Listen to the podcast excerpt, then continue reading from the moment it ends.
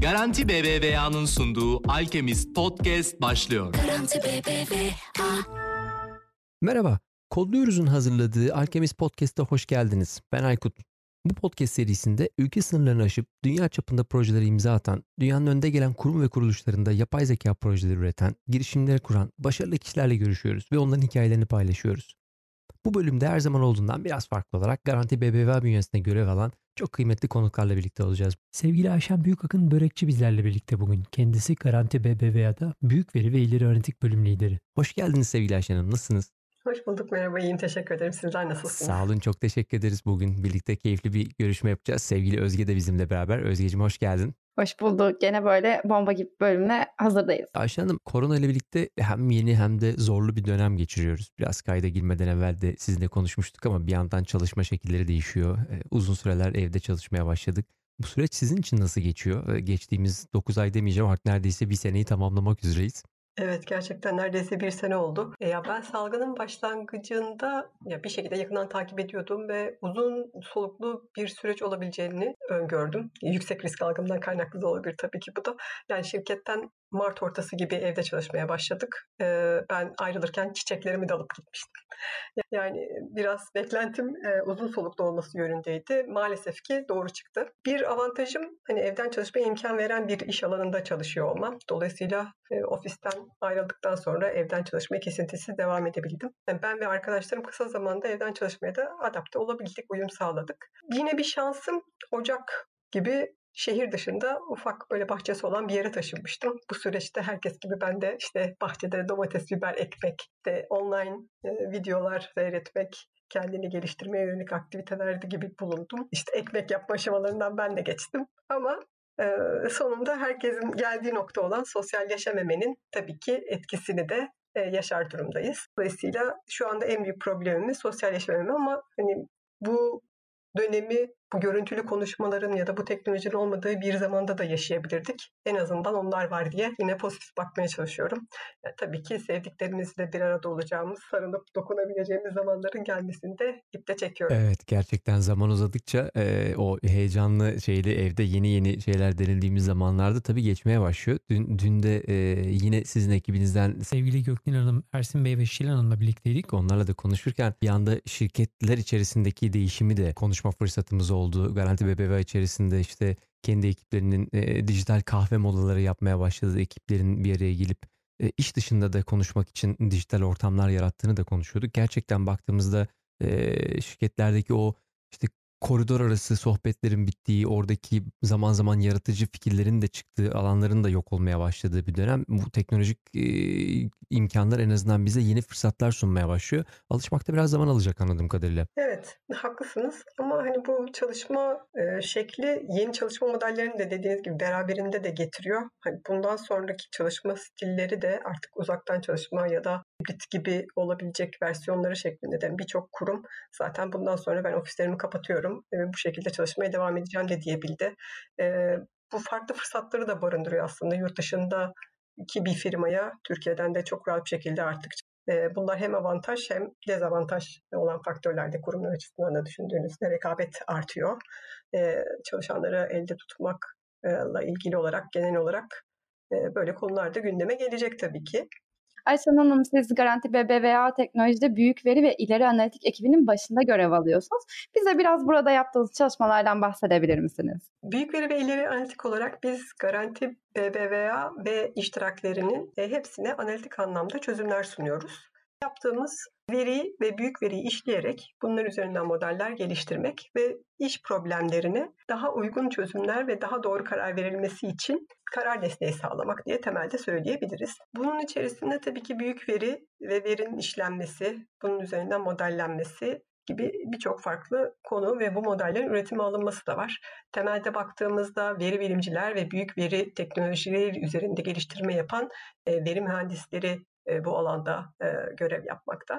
Baktığımızda birçok farklı alanda problemlerimiz olabiliyor ve biz bu problemler için çalışıyoruz. E, mevcutta sahip olduğumuz 500 üzerinde modellerimiz ile oldukça geniş bir problem ailesine çözüm sunmaktayız. Bunlar verimliliği arttırmaya yönelik problemler olabildiği gibi müşteri memnuniyetini arttırmaya yönelik, satışa yönelik ya da dolandırıcılığı engellemeye yönelik e, problemler olabiliyor. Oldukça farklı alanlarda farklı teknikler, farklı yöntemlerle çözümlerimizi üretmeye çalışıyoruz. Baktığımızda Türkiye'deki finans sektörü aslında global yarışta da gerçekten çok ileri bir seviyede. İşte hem MENA bölgesinde hem global anlamda Avrupa'daki çalışmalara baktığımızda gerçekten Türkiye bu konuda çok daha ileri seviyede çalışmalar çıkarıyor. Baktığımızda da özellikle garanti BBVA teknoloji anlamında da baktığımızda da hem yapay zeka anlamında, büyük veri anlamında hem de uygulamalar anlamında da gerçekten çok hızlı hareket eden, çok öncelikli projeler çıkaran bir ekiple çalışıyorsunuz aslında. biraz sizin gözünüzden de hem bu global finans sektöründeki özellikle işte büyük veriyle beraber değişimi hem de Türkiye'deki bu değişimi biraz sizin gözünüzden dinleme şansı olsa çok keyifli olur. çünkü tam işin kalbindesiniz. Bütün değişimi siz görüyorsunuz.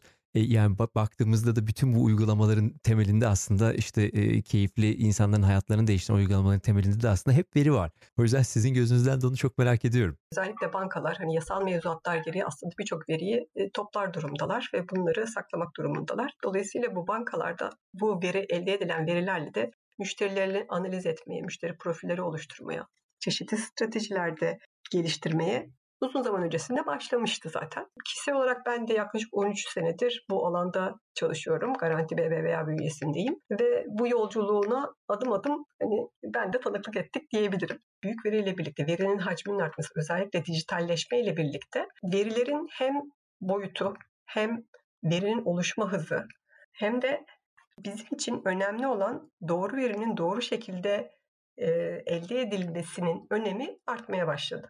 Şimdi birçok veri olduğu zaman bu veri içerisinde işinize yarayacak olan verinin tespit edilmesi ve bunun işlenebilir olması da oldukça önemli oldu. Neyse ki bu alanda da teknolojik e, gelişmeler de bunu destekler durumuna geldi. E, şu an e, bundan 7-8 sene önce çözemediğimiz problemleri e, teknolojinin gelişmesiyle birlikte hem büyük ve daha da büyük verileri işleyerek çok daha kısa zamanda çok daha farklı ve kompleks algoritmaları kullanarak gerçekleştirebilir duruma gelmiş durumdayız. Bu anlamda hani hem teknoloji ve buna paralel olarak da algoritmaların gelişmesi bizim daha kaliteli işler çıkarmamızı destekler durumda. E, müşteriye dokunduğumuz her an bizim için aslında bir veri kaynağı. E, yapmış olduğunuz bankacılık işlemi de olabilir, sosyal medyada Garanti BBVA hakkında yazdığınız herhangi bir şey de olabilir. E, dolayısıyla biz bunların her birini müşterimize daha iyi hizmet sunabilmek, bu veriden değer elde edebilmek, müşterilerimize daha kişiselleştirilmiş e, ürünler ve hizmetler sunabilmek için birer fırsat olarak görüyoruz ve bunları değerlendiriyoruz. Bütün amacımız da bu. Şimdi Ayşen Hanım biraz önce bahsettiniz hani veri boyutundan ve veri bolluğundan bir yandan da yapay zeka alanında hani sürekli müthiş değişimler oluyor. Bu alandaki güncel gelişmeleri siz nasıl takip ediyorsunuz? Şimdi gelişmeleri takip etmek için hani sosyal medya, Twitter ya da YouTube üstünden de birçok şeyi takip edebiliyorsunuz. Yani LinkedIn de bunun içinde bir kaynak. Ettiğiniz bir şeyin birçok uygulaması YouTube üstünde zaten e, insanlar paylaşabiliyorlar. Zamanda birçok önemli üniversitenin çok tanınmış hocalarından online olarak dersler de alabiliyorsunuz platformlardan. Bunların hepsi yakından takip ettiğimiz, kendimizi geliştirmek için kullandığımız mecralar. Bu alanda hem e, algoritmalar anlamında hem büyük veri teknoloji anlamında hızlar oldukça fazla, e, değişim de çok fazla, yenilikler çok kısa zamanda ortaya çıkabiliyor ve çok farklı alanda, çok farklı teknoloji de var kullanabileceğimiz. Sonuçta açık kaynak kodları olduğu için e, bu alandaki gelişim oldukça hızlı. Bu nedenle de hani bunları takip edebilmek bir yandan da iş problemlerine çözüm üretmek zaman içerisinde kişilerin takibinden de çıkabiliyor. Dolayısıyla biz bunun da bir risk oluşturabileceğini öngördük. Arkadaşlar kişisel olarak inisiyatifler başlattılar. Birim içerisinde örneğin bu konuları yakından takip eden, ekip arkadaşlarını bilgilendiren, önden çeşitli teknolojileri deneyen ve bu teknolojilerin bizim için uygunluğunu değerlendiren arkadaşlarımız var. Böyle bir inisiyatif de geliştirmiş durumdayız kendi içimizde. Bu da e, teknolojiyi yakından takip etmemize olanak sağlıyor. Ekibinizden bahsettiniz. Kaç kişilik bir ekiple çalışıyorsunuz? Şimdi bizim ekibimiz içerisinde şu anda 37 tane data scientist ve data developer diyebileceğimiz kişiler var. Banka nezdinde de data scientist arkadaşlarımız bulunmakta. Tabii ki daha da büyüyebilir e, ama biz elimizden geldiğince mevcut kaynaklarımızla e, en iyi çözümleri üretmek için iş birimlerimizle birlikte agile olarak çalışmaya devam ediyoruz. Mü- müthiş bir veriyle çalıştığınızı tahmin edebiliyorum aslında. Ee, Türkiye'de bir şeyler tahmin etmek istiyorsak herhalde elimizdeki en güzel veri setleri sizin elinizde olacaktır diye düşünüyorum. E, yani bu e, çok önemli gerçekten de. Hani bu vizyonun e, Garanti BBVA bünyesinde çok eskiden hani böyle bir vizyonla başlanıp bu verilerin düzenli bir yapıyla saklanmış olması şu an bu veriden anlam çıkarma, değer çıkarma noktasında bizi tabii ki e, rakiplerimizden bir adım öne taşıyor. E, bu gerçekten dediğiniz gibi çok önemli. Veriye dayalı karar verme kültürü Garanti BBVA içerisindeki önemi de herkes tarafından zaten biliniyor. Dolayısıyla bu anlamda kabul, kabul etmiş olmaları, e, bu yatkınlık ve bu kültürün yerleşmiş olması da bize gelen talepleri de arttırıyor diyebilirim size. Dolayısıyla bekleyen çok işimiz var, yapacağımız bir sürü projemiz var veriyle çalışmak hep şirketler için çok önemli bir yerdeydi ama tabii işte özellikle yapay zeka, makine öğrenmesi algılarının değişmesiyle beraber şu an böyle müthiş bir trend var bu, bu konuları konuşmak üzerine ve aslında birçok şirket çok ciddi bir verinin üzerinde otururken aslında bir anlamda da bu verileri gerçekten çok sağlıklı kullanamıyor. Ee, ama bir anlamda da müthiş AI projelerinden bahsediyoruz. İşte dünyadaki müthiş projeleri görüyoruz ama baktığımız zaman Türkiye'de de birçok şirketinde AI projesi yaptığını söylediğini görüp dinleyip aslında gerçekten çok giriş seviyesinde bir takım projeler yaptığını da görüyoruz. Bu, bu, bu konuda sizin düşünceniz ne? Bankacılık sektörü gibi e, yasal denetimin olduğu sektörler bu alanda biraz daha avantajlı. Benzer şekilde telekomünikasyon oldukça fazla veri üreten e, bir sektör. Ama bunun dışındaki sektörlerde e, yapay zeka ve yapay zeka uygulamaları e, görece olarak biraz daha yeni ilerliyor diyebiliriz. Burada da tabii ki nereden başlayacaklarını bilmek, belki bu konuda danışmanlık almak önemli bir faktör olacaktır. Çünkü siz verinizi işlenebilir ve buradan değer üretebilir bir hale getirmeden, bunun sistemlere entegrasyonunun nasıl olacağını tam planını ve yöntemini, yolunu çizmeden herhangi bir veri toplama ya da veri işleme işine başladığınızda bu kendi içerisinde karmaşıklaşacak. Atacağınız adımlar tam belli olmadığı zaman da e, belki de sonuçsuz bir proje haline dönüşebilir riski var. E, dolayısıyla ne yapacağınızın, nasıl yapacağınızın resmini e, çizebilmeniz oldukça önemli. Burada hem verinin hangi ortamda saklanacağı, bu verilerin hangi teknolojilerle işleneceği, hangi tür problemler için verilerin toplanacağı, olası şeyler ne bunların belirlenmesi gerekir. Bir, çok büyük projelerle başlanmaması lazım eğer bana göre, eğer bu işe yeni başlanıyorsa. Sonuçta siz bir proje yapıyorsunuz ve bu projeden bir değer üretmeniz ve yaptığınız yatırımın bir geri dönüşünün de olması ve bunun kısa vadede de üst yönetime de örneğin en basitinden göstermeniz veya da yatırımcılara bunu göstermeniz beklenir. Dolayısıyla kısa vadede çözümler üretebileceğiniz, aynı zamanda katma değeri yüksek olan projeleri çok da karmaşık olmayanlardan başlayarak adım adım e, ilerlemek daha uygun olacaktır kanaatindeyim.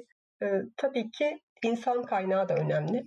Bu teknolojik yatırımları yapmanın yanında bunu yapabilecek insanların yetkinlik setlerinde gelişmesi de gerekiyor. Dolayısıyla bu anlamda da kişilerin eğitimleri ve onların e, bu alandaki bilgi setlerinin ve tecrübelerinin de zenginleştirilmesine de aynı zamanda paralelde yatırım yapmak da kritik bir nokta. Çünkü yetişmiş bu alanda insan kaynağı bulmak oldukça zor. Ee, yeni bir alanda başladığınızda da e, tecrübeli kişilerle yetkinlik setlerini geliştirip dönüştüreceğiniz kişilere yön vermekte e, kritik bir öneme sahip olacaktır. Bize biraz eğitim geçmişinizden bahsedebilir misiniz? Bir de hani merak ediyorum yanlış görmediysem matematik geçmişti birisiniz. Yapay zeka ve veri kısmına nasıl geçiş yaptınız? Ben İstanbul Teknik Üniversitesi Matematik Mühendisliğinden mezunum. Ardından de hem işletme hem de yüksek e, sistem analiz yüksek lisanslarını yaptım. E, veriyle tanışmam da şimdi matematik mühendisleri hem yazılım dersleri de olan yani disiplinler arası bir bölüm olduğu için birçok farklı disiplinden dersler de kendi içerisinde barındırıyor. Çoğunlukla yazılım dersi ve bilgisayar yönelik dersler de barındırıyordu. orada veri tabanı dersleri de almıştık zamanında. Hatta bitirme ödevimi bu konu üzerinde de gerçekleştirdim. Sonrasında yüksek lisansta yine veri madenciliği üstünde her iki alanda da çalışmalar yaptım. Biraz buradan e, geliyor ilgim diyebilirim. Sonrasında yani kariyer olarak baktığınızda mezun olduktan sonra finansal analist olarak çalıştım başka bir şirkette. Ardından da işte bundan 13 sene önce Garanti BBVA teknolojiyle yollarımız kesişti. O anlamda itibaren de tamamen yine veri bilimi alanında çalışmalara devam etmekteyim. Çeşitli pozisyonlarda burada görev aldım ben de şirket içerisinde. Bu dönüşüm sizin başta da bahsettiğiniz bu teknolojik dönüşüm, veri bilimi alanındaki dönüşümü de yakından yaşadım diyebilirim. Peki şunu söyleyeceğim bu noktada. Hani yapay zeka alanında başarılı olmak için ne tür özellikler olmazsa olmaz? Özellikle bu alanda çalışacak gençlere peki siz hani bunca yıllık tecrübenize dayanarak neler tavsiye edersiniz? Bir kere hani meraklı olmalarını tavsiye ederim. En önemlisi merak bence. Neyin neden olduğunu, o eleştirel bir bakış açısıyla bakabilmek, sorgulayabilmek, e, araştırmacı olmak, sürekli öğrenmeye açık olmak. Bu alan inanılmaz gelişiyor, değişiyor. Sürekli öğrenmeniz gerekiyor. Merakınız olmadığı zaman zaten hani yeni bir şey öğrenmek için de hevesiniz de olmayacaktır. Dolayısıyla en temelde meraklı olmanız, analitik düşünme, karmaşık problem çözme, sonra problemlere farklı bakış açısı katabilme, biraz yaratıcılıkta. E, temelde birçok şey denersiniz günlük hayatınızda. Model kurmak için farklı yöntemler, farklı algoritmalar denersiniz ama bunların kimisi başarılı olur, kimisi başarısız olur. Dolayısıyla e, yanılıp, hızlı yanılıp tekrar başa dönme, bundan e, yani düşüp düşüp tekrar ayağa kalkmak gibi de değerlendirebilirsiniz. E, ama en temelinde de belki de e, yaptığın işi sevme geliyor. Yaptığınız işi seviyorsanız zaten bundan keyifle çalışacaksınızdır. Yeni şeylere de her türlü farklılığa da açık olacaksınızdır. Türkiye'deki gençlerin yazılım alanında kendini geliştiren gençlerin e, bu global yarışta aslında işleri daha da zorlaşıyor bir anlamda. Bu bir anlamda kolaylık. Dediğiniz gibi işte Amerika'da da bir işe başvurabiliyorsunuz. Ama tabii aynı zamanda Hindistan'dan da bir kişi artık o işe başvurabiliyor. Ve büyük veri kısmı, büyük veri analitiği, yapay zeka alanında gerçekten çok yükselen trendin içerisinde ve herkesin girmek istediği bir yer. Bu noktada gittikçe de aslında rekabet artıyor ve işler biraz daha zorlaşıyor gibi sanki değil mi? E, elbette. O yüzden de okuldaki e, dönemlerini genç arkadaşların iyi değerlendirmeleri e, sadece e, okuldaki derslerle başarılı değil de kendi ilgi alanlarına giren konularda farklı alanlardan bilgiler e, ve bunları işte Kaggle gibi ortamlarda denemeleri, yarışmaları, kendilerini sürekli geliştirmeleri, staj dönemlerine benzer şekilde kendi ilgi alanlarına uygun şekilde seçmeleri. Hani zorunluluktan dolayı değil de bir şeyler elde etmek amacıyla o gözle, o bakış açısıyla yapmaları kendi zamanlarını ya iş hayatında çünkü iş dışında kendinize de yani gelişim anlamında tabii ki e, zaman ayırmanız bekleniyor ama okuldaki gibi olmayacaktır hiçbir zaman. Dolayısıyla çok iyi değerlendirmeleri kendi gelişimleri için e, online kurslarla olsun farklı e, şeylerle kendi katılabilecekleri eğitimlerle mesela kodluyoruz da bunun içinde bir örnekte e, böyle değerlendirmelerinde fayda var. Baktığımızda birçok üniversitenin ve çok dünya çapında üniversitenin e, gerçekten ücretsiz ve e, sıfırdan girebildiğiniz işte Harvard'ın, MIT'nin, Stanford'ın eğitimleri e, internette insanları bekliyor o eğitimleri almak için. E, müthiş şeyler değişebiliyor. E, elbette aslında zorlu bir dönem ama dediğiniz gibi bu e, kişisel gelişim gerçekten çok daha kıymetli hale gelmeye başladı. Özellikle sizin ekibinize başvuru yapan gençlerin e, durumunu tabii siz daha net görebiliyorsunuz.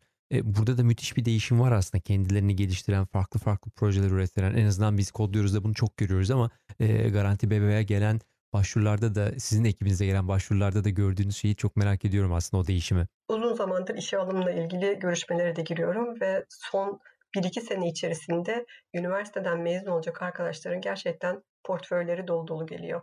Hem kodlama alanında kendilerini geliştirmişler, bunları farklı ortamlarda denemişler, birçok projede yapmışlar. Daha önceki dönemlere göre daha bilinçli arkadaşlar ve kendilerini geliştirip mezun olma konusunda da ciddi efor sarf ediyorlar. Yani zaten bunu yapmış olan kişiler ön plana çıkıyor. Yalnız bir önceki konuda belki şunu da söylemek lazım. Hani bu eğitimler online diyoruz ama tabii ki burada bir dil bariyeri de var. dolayısıyla kişiler hangi bölümde olurlarsa olsunlar hem kodlama yapabilmek hem de bu eğitimleri takip edebilmek amaçlı yabancı dillerini de mutlaka geliştirmeleri gerekiyor ki bilgiyi kaliteli kaynaktan doğru şekilde alabilsinler bu yapay zeka alanına yatırım yapmanın ne kadar önemli olduğundan bahsettiniz. Ben bu noktada özellikle Garanti BBVA'nın yaptığı ARGE yatırımlarından biraz hani bahsetmenizi rica ediyorum. Hani sizler bu, bu alanda tam olarak neler yapıyorsunuz? Şimdi yapay zeka Garanti BBVA'nın önem verdiği inisiyatiflerden biri. Biz de Garanti BBVA teknoloji olarak tam bir ARGE merkezi olmasak bile bu alanda yapılacak çalışmalara daha sonra konu olacak kendi içerisinde projeleri gerçekleştirirken ihtiyaç duyabileceğimiz sistemlerin altyapılarının ya da otomasyonlarının oluşmasına imkan verecek, daha verimli model geliştirme ya da modellerin üretim alma süreçlerini sağlayacak yapıların, çerçevelerin oluşturulması için bir merkez kurduk. İsmine de Nexton dedik. Burada birçok projeyi hayata geçirdik, getirmeye de devam ediyoruz. Amacımız dediğim gibi kendi içimizde iş problemlerini çözerken sahip olacağımız, ihtiyacımız olan bilgi birikimlerini herkese sağlayabilir, kullanılabilir hale dönüştürecek yapılara oluşturmak diyebilirim. Siz her ne kadar iş problemlerini geliştirip karar desteği sağlasanız da kendi işinizi yaparken de geliştirmeniz gereken, buradaki süreçleri iyileştirmeniz gereken noktalar da olabiliyor. Yeni ürünlerle time to market'ı da azaltacağınız çözümler geliştirebiliyorsunuz. Bunlar için çalışıyoruz ve bunlar daha sonra diğer projeleri yaparken de bütün veri bilimciler tarafından kullanılabilir hale geliyor. E, sizce e, tüm bu yapay zeka çalışmaları, büyük veri çalışmaları kişilerin hayatlarını nasıl değiştirmeye başlayacak? Şimdi veri ve veriden değer üretmek geliştikçe buradaki tabii ki e, bunun hayatımıza etkisi de oldukça e, artacak. Hani bizim sektör olarak baktığımızda hani biz neler amaçlı kullanıyoruz? İşte süreçlerimizi iyileştirmek için kullanıyoruz. Müşteri deneyimini iyileştirmek için kullanıyoruz. Ya da işte yeni tahminler, yeni e, öneriler sunabilmek, daha kişiselleştirmek, hizmet için kullanıyoruz. E, müşteri bağlılığını arttırmak için kullanıyoruz. E, şimdi yapay zeka ile yani makine öğrenmesinin ötesinde örneğin derin öğrenmeyle çok daha başarılı çözümler, sonuçlar elde edebileceğiz. Bazı işler tamamen otomatikleşme yönünde ilerleyecek. Bazılarında makine işbirliğiyle devam edeceğini öngörüyoruz. Örneğin sağlık alanında şu an biliyoruz ki birçok görüntüye bakarak işte problemli ya da işte hastalıklı bir veri olup olmadığı çok doğru bir şekilde tespit edilebiliyor ama bu bir doktoru tamamen elimine edecek bir durumda tabii ki getirmiyor. İşte herkesin zaten günlük hayatta kullandığı cep telefonlarında Siri gibi Alexa gibi akıllı asistanlar diyebileceğimiz e, yapılar var. Robotlar, robot süpürgeler diyeyim. Bu ev e, döneminde özellikle bu evden çalışırken herkesin hayatına ufak ufak girmeye başladı.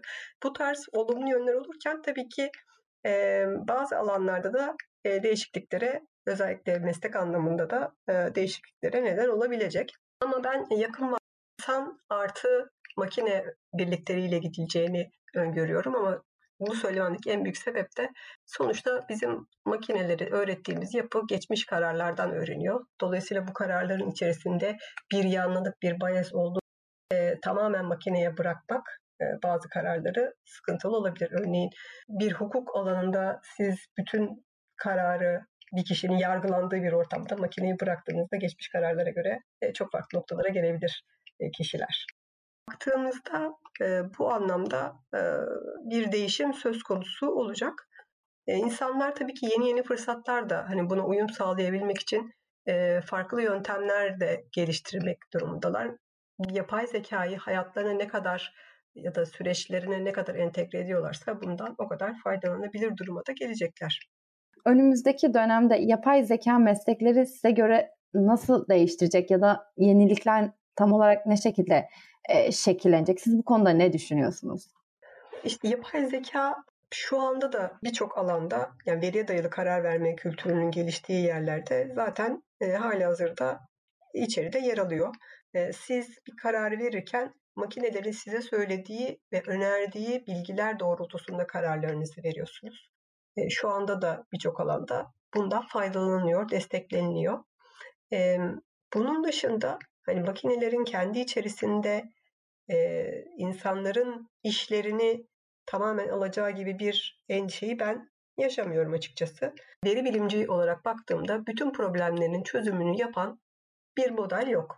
Dolayısıyla e, veri bilimciler mutlaka bu görev ya da e, amaç için zaten makineyi olduğu gibi eğitmek durumundalar. Ve bunların üretime alınması ile ilgili olarak da çok farklı yöntemler olduğu için aslında şu an dünyada hani DevOps gibi MLOps kavramları da konuşulur durumda şu anda ve bunun üretimi alacak e, makine öğrenmesi üzerinde e, büyük veri teknolojilerini kullanan kişilerle ilgili e, istihdam açığı oldukça fazla şu anda. Veri bilimci açığına kıyasladığımızda bu anlamdaki veri mühendislerinin eksikliği oldukça fazla. Dolayısıyla buradaki açığı kapatmak gerekecek. E, meslek olarak baktığımızda yapay zeka birçok alana giriyor. Birçok alanda kullanılıyor. Daha da farklı alanlarda kullanılmaya devam edecek. Şimdi otonom araçlar vesaire de e, konuşulur ve yani bunları da yaşadığımız dönemdeyiz. Bu, bu anlamda baktığımızda elbette ki yani farklı alanlar e, etkilenecek, kişiler de etkilenecek ama e, önemli olan yapay zekayı kendi içimizde, süreçlerimizde, işimize entegre edebildiğimiz sürece buna uyum sağlayacak şekilde kendi iş yapışımızı çalışma şeklimizi değiştirdiğimiz sürece bundan çok büyük fayda sağlayabiliriz risk olarak görmektense. İşin aslında ne kadar temiz veriyle uğraştığımız kısmı da çok önemli.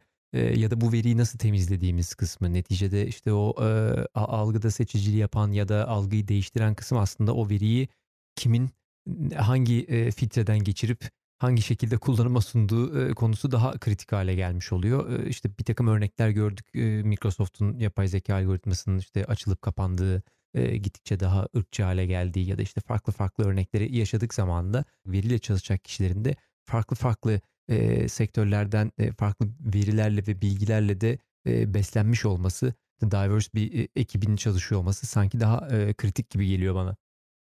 Çok doğru bir nokta. Aynı şekilde katılıyorum tamamen yüzde yüz. Sonuçta bu verinin nasıl işlendiği ve nasıl e, buna bakıldığı, yorumlandığı ve nasıl kullanıldığı oldukça kritik. E, bu anlamda da e, regülasyon anlamında da zaten hani burada responsible AI kavramı da ön planda. E, yani siz bir modelinizi geliştirirken içeride yani cinsiyet örneğin ya da e, din, dil, ırk gibi hani kavramları kullanamazsınız da kullanmamalısınız da. Yani bunlar da gündeme gelecek şeyler. Yani bir kişi sadece işte kadın olduğu için daha farklı kredi değerlendirmesine tabi tutulamaz. Bunun için de zaten hani global çapta da bir AI etik ve responsible AI anlamında bunların koşulları nelerdir, minimumda neler sağlanmalıdır diye çeşitli çerçeveler e, çiziliyor. Bundan önümüzdeki dönemde de bu alanlar özellikle veri yönetişimi, biraz önce sizin dediğiniz gibi de kim hangi veriye erişiyor, nasıl işleniyor, bu süreçler nasıl, kimlerin bu alanda erişimleri var, bunların takip edilip izlenebilmesi, işte veri kalitesinin sürekliliği gibi konular da önümüzdeki dönemde yine e, ön planda olacak. E, benzer şekilde dediğiniz gibi etik konusu da e, yine tartışmasız önümüzdeki dönemin en önemli e, gündemleri olacak diye ben de tahmin ediyorum. Ee, özellikle Amerika örneklerine baktığımızda sadece bankacılık finans alanında değil birçok alanda startupların çok daha hızlı bir şekilde işte gir, e, yık, e, dene ve gör ondan sonra geliştiririz e, mantığıyla ilerliyor. Ama tabii yapay zeka ve etik anlamında bu yıkıcı değişim ciddi anlamda toplumsal bir takım sıkıntılara da yol açabilecek aslında riskleri içeriyor. Dolayısıyla sanki bizdeki o regülasyonlar biraz daha önceden düşünmeye ve kontrole imkan veriyor gibi hissediyorum. Tamamen kişisel tabii her ne kadar e, zaman zaman yeni projelerin önünde böyle bir şey de oluyor olsa, bariyer gibi oluyor olsa da aslında sanki iki, iki durumda. Yani çok haklısınız. Bu aslında bir ikilem gibi de. Yani çünkü siz örneğin derin öğrenme e, algoritmalarını kullandığınızda çok büyük veriye de ihtiyacınız var. Hani çok fazla veri kullanmanız gerekiyor. Farklı tipte veriler kullanmanız gerekiyor çeşitli problemlerin çözümü için. Ama bir anlamda da e, yani verilerin gizliliğini de korumanız da gerekiyor e, ve bunun izinlerinizin de olması gerekiyor. İşte KVKK sizin dediğiniz gibi örneğin yani bu anlamda gerçekten de koruyuculuğu yüksek e, bir kanun. Dolayısıyla bu da kritik dikkat edilmesi gerekiyor. Belki bir konuda şey de konuşulabilir. Önümüzdeki dönemde data monetization dediğimiz veriden gelir elde etme yöntemleri de yine önümüzdeki dönemde e, farklılaşacak diye düşünüyorum. E, çünkü veri çok kıymetli bu veri yine bu etik bağlamında ya da bu responsible AI bağlamında da tabii bunun sınırları da çizilmesi de gerekir. veriden gelir elde etme yöntemleri de gelişecek diye tahmin ediyorum. Bu, bu çok güzel bir nokta oldu. Aslında bununla ilgili çok böyle giriş seviyesi bir soru soracağım size. Ben yanıtını biliyorum ama siz, siz sizden bunu almayı çok isterim. Şimdi sokakta genelde konuşulurken, arkadaşlarımızla, çevremizle konuşulurken e, bu konu hep gündeme gelir. Ya benim verimi kim ne yapsın? E, işte benim verimden ne olacak ki? İşte bir tane dizi izlemişim. Bu veri ne olabilir ki? Hani e, istiyorlarsa alsınlar ya da tam tersi görüşte olabiliyor. Benim verim gerçekten çok kıymetli e, işte tıkladığım hiçbir verinin kimseye gitmesini istemiyorum. Şimdi iki, iki ucu da görebiliyoruz burada. İki tarafında kendince haklı tarafları var. O veriyle neler elde edebileceğini az çok tahmin edebiliyorum. Ee, siz eminim çok daha ötesini tahmin ediyorsunuz. Sizin gözünüzden bu iki iki ayrı görüşü bir değerlendirme şansı olursa ve o verinin nereye gidebileceğini şöyle birazcık kafamızda şekillendirirseniz harika olur. Birçok kişiden, birçok firmadan hizmet alıyoruz. E, bu banka olmak zorunda değil. Yani izlediğiniz işte Netflix örneğin hani siz ben bir dizi seyrettim ne yapsın diyorsunuz. Yani sonuçta onlar sizin verinizde ne yapıyorlar? Alıyorlar, bakıyorlar siz neyi izlemişsiniz, sizin tercihleriniz ne, beğenileriniz ne, neye oy vermişsiniz, neyi beğenmişsiniz ya da oy vermeniz bile gerekmiyor. Yani sonuna kadar izlediğiniz bir şey bile onlar için pozitif bir e, çıkarım olabiliyor. Dolayısıyla sizin ilgi alanlarınızı bulup buna uygun öneriler ve size göre kişiselleştirilmiş öneriler geliştirmek için e, aslında sizin verinizi kullanıyorlar. Ya da siz ve size benzer kişilerden çeşitli çıkarımlar yapılıp yeni ürünlerin geliştirilmesi, yeni hizmet alanlarının doğması açısından da verilerin kullanımı oldukça önemli. Yani veriyi kullanan bir kişi olarak veri olmadan yani hiçbir işimizi yapamayız. Dolayısıyla burada şey kritik. Ama bu verinin e, ne şekilde kullanıldığı da kritik. Dolayısıyla burada da veriyi paylaştığınız kuruma duyduğunuz güven e, önemli oluyor bence. E, bu verinin ne şekilde kullanıldığı, hangi amaçla kullanıldığı, kimlerle paylaşıldığı, paylaşılıyorsa eğer e, ve bunların şeffaf bir şekilde sizin önünüze sunulduğu ortamlarda verinin paylaşılmasında elbette herhangi bir sakınca yok. İşte bu da yasal düzenlemelerle zaten veri sahiplerini şu anda KVKK kapsamında oldukça korur durumda. Dolayısıyla siz verinizin tamamen kontrolü sizde. Bu sizin bir imzanız, bir parmak iziniz gibi düşünün. Tamamen sahipliği size ait. Siz istediğiniz kişiye verirsiniz, istediğiniz kişiye vermezsiniz ve bunun yönetimi de, de sizin söz hakkınız var. Bunun hani hem artısı var işte dediğimiz gibi hem de eksi yönleri var. Siz nasıl değerlendirmek istiyorsanız. Yani dediğim gibi burada en önemli şey güven. E, veriyi paylaşırken karşı kuruma duyduğunuz güven. Türkiye'de KVKK ya da işte Avrupa'da e, GDPR'la beraber aslında ciddi bir kontrol gelmeye başladı. Hani nispeten bence e, dünyanın geri kalanındaki çalışmalara baktığımızda çok daha kontrollü gidiyor.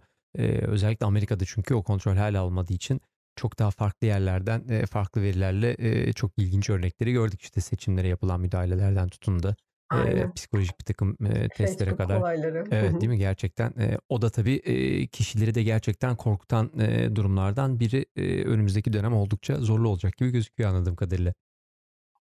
Evet bir de şöyle riskler de var. Şimdi yani görüntü işleme kaliteleri arttıkça ya da buradaki algoritmalar güçlendikçe sizin işte fake görüntüler, fake sesler e, sonuçta bunlar da daha sonra sizin güvenliğiniz ve cyber security anlamında da risklerle doğuruyor. Hani siz çok masum görüp de fotoğrafınızı paylaştığınız ya da sesinizi paylaştığınız bir uygulama daha sonra size çok farklı alanlardan risk doğuracak bir şekilde gelebilir. Hani bu uygulamaları kullanırken de veri nerede tutuluyor? Sizde mi yoksa hani bilmediğiniz serverlarda mı paylaşım var mı? Kimlerle paylaşılıyor?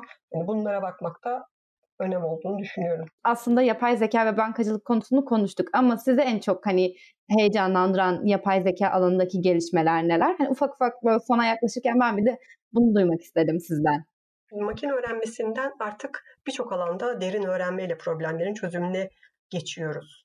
Bu bence önemli bir adım. Çünkü burada elde edeceğimiz faydalar e, çok daha fazla olacak. Hani sadece konu anlamında değil işte hani görüntü işleme, ses işleme anlamında değil de e, klasik iş problemlerinin çözümünde de makine öğrenmesinden derin öğrenmeye geçiş e, oldukça fazlalaşmaya başladı. Bence bu oldukça önemli bir gelişme. Makine öğrenmesi ya da işte yapay zekanın sadece veri bilimcilerle sınırlı değil de bunun daha geniş kitlelere açılması da yine önümüzdeki dönemde bu konseptin olması beni heyecanlandırıyor. E, çeşitli araçlarla siz analitiği ve bu doğrultuda da oluşabilecek karar alma süreçlerini, veriye dayalı karar alma sürecini herkese yaygınlaştırmanız yine e, heyecan verici bir konu. E, bir diğer konu da daha önceden de bahsettim. Makine öğrenmesiyle geliştirilmiş projelerin üretim alma süreçlerinin e, yaşam döngüsünün tasarlanması ve bunun kısaltılmasına yönelik olarak yapılacak çalışmalar. Burası da yine önümüzdeki dönemdeki e, MLOps dediğimiz kavram e, önemli bir gelişme olacak. Şimdi algoritma olarak baktığımızda da e, transfer learning'i söyleyebiliriz. Hani siz bir problemi çözmek istediğinizde her şeye sıfırdan başlıyorsunuz. Problemin verisini hazırlıyorsunuz. Problemi yapısına uygun olarak modelinizi geliştiriyorsunuz. Ama transfer learning'de her şey sıfırdan başlamak zorunda değilsiniz. Benzer bir problemde elde edilmiş olan e, modelin öğretilmiş olan sonucunu alıp e, oradan başlayıp hem model performansını arttırmak hem de bu süreyi kısaltmak gibi çok büyük faydaları var. Dolayısıyla algoritma anlamında da süreç anlamında da transfer learning'i söyleyebilirim. Çok keyifli bir sohbet oldu. Araya girdim Aykut ama senin ekleyeceğin bir şey var Yo, mıydı? Çok teşekkür ederim Özgeciğim. Gerçekten e, müthiş keyifli oldu. E, hem biraz e, sizi tanıma şansımız oldu Ayşen Hanım. Hem de yaptıklarınızı biraz dinleme şansımız oldu. Hem de e, büyük veri anlamında, yapay zeka anlamında dikkat etmemiz gerekenler, verinin kullanımı, e, çok güzel noktalara değinme şansımız oldu. Hem de Garanti BBVA'da yaptığınız işlerin, e, Garanti BBVA teknolojinin Türkiye'de bu alanda gerçekleştirdiği işleri de biraz e, detaylandırma şansımız oldu. Özellikle bence e, şey için çok kıymetli. Bu alanda çalışmak isteyen gençlerin, e, sizin ekibinizde yer almak isteyen ya da sizin ekibiniz gibi içeride farklı anlamda e, veriyle çalışıp ARGE çalışmaları yapan ekiplerde yer almak isteyen gençlere de kendilerini nasıl geliştirebilecekleri, bu alanda çalışmak istiyorlarsa neler yapmak isteyecekleri noktasında çok güzel e, bence veri noktaları paylaşmış olduk. İyi ki katıldınız. Çok teşekkür ediyoruz vakit ayırdığınız için. Çok teşekkür ederim ben de beni de davet ettiğiniz için. Sağ olun. Şöyle bir şey var. Hani sonunda belki söylemiş olacağım ama e, iyi ki böyle bir sürece başladık diyorum. Çünkü bizim analitik anlamda okur yazarlık ya da bilinirliği de arttırmaya yönelik Türkiye genelinde böyle bir e, misyonumuz var kendimize edindiğimiz. Dolayısıyla kodluyoruzun da genç yeteneklerin gelişmesi anlamında birçok e, faaliyeti bulunuyor. Zaten e, sizinle de e, bu alandaki işbirliklerimiz neler olabilir diye görüşmeye başladığımızda bu podcast serisi de gündemimize gelmişti. Dolayısıyla çok keyifli bir seri oldu. Umarım bütün dinleyiciler de bizim kadar keyif almışlar ve eğiticiliğiniz de aynı zamanda keyifli olduğu kadar. Umarım aynı görüşleri paylaşıyoruzdur. Biz müthiş heyecan duyduk. Her bir bölümde çok kıymetli kişilerle bir arada olduk. Bu, bugün dahil sizden de çok güzel şeyler öğrendik. Umarım dinleyenler de bu konuda aynı bilgileri edinme şansı olmuştur. Çünkü bizim için önemli olan da sizlerle beraber çalışırken Türkiye'de gençlerin kendilerini hem yalnız hissetmiyor olmaları, e, neticede bu alanda gerçekten çok başarılı insanlar var. Bazen başarı çok da fazla dillendirilen bir şey olmayabiliyor. E, çok da duyamayabiliyoruz. Oysa ki dünyanın farklı farklı yerlerinde Türkiye'den çıkmış, güzel üniversitelerde eğitimler aldıktan sonra kendilerini çok geliştirmiş insanlar var. E, Türkiye'nin içinde de çok güzel şirketlerde çok güzel işler yapan insanlar var. Bunları tabii gösterebilmek bence çok kıymetli bir şey. E, bu noktada da hem size hem sizin ekibinize hem de Garanti BBV'ye çok teşekkür ediyorum ben. Bu seri gerçekten bizim için çok kıymetli oldu. E, umarım ufak da olsa e, bu alanda çalışmak isteyenlere de e, ufak bir derme yol gösterme, ışık tutma şansımız olmuştur diyelim. Katılıyorum size. İnşallah olmuştur. Harika. Özgeciğim sana da teşekkür ediyorum o zaman bugün bizlerle olduğun için. Ben teşekkür ederim. Çok keyifli bir sohbet oldu. Her zamanki gibi e, keyifli bir kayıt geçirdik. Bizi dinlediğiniz için teşekkür ederiz. Kodluyoruz'un e, hazırladığı Garanti BBVA'nın desteklediği e, Alkemist Podcast'i dinlediniz.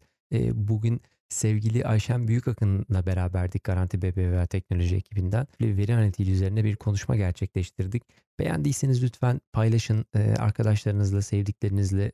Sorularınız varsa dilediğiniz zaman sosyal medya kanallarından bize ulaşabilirsiniz. Sorularınızı yanıtlamaya çalışacağız. Bugün bizlerle olduğunuz için teşekkür ederiz. Tekrar görüşmek üzere.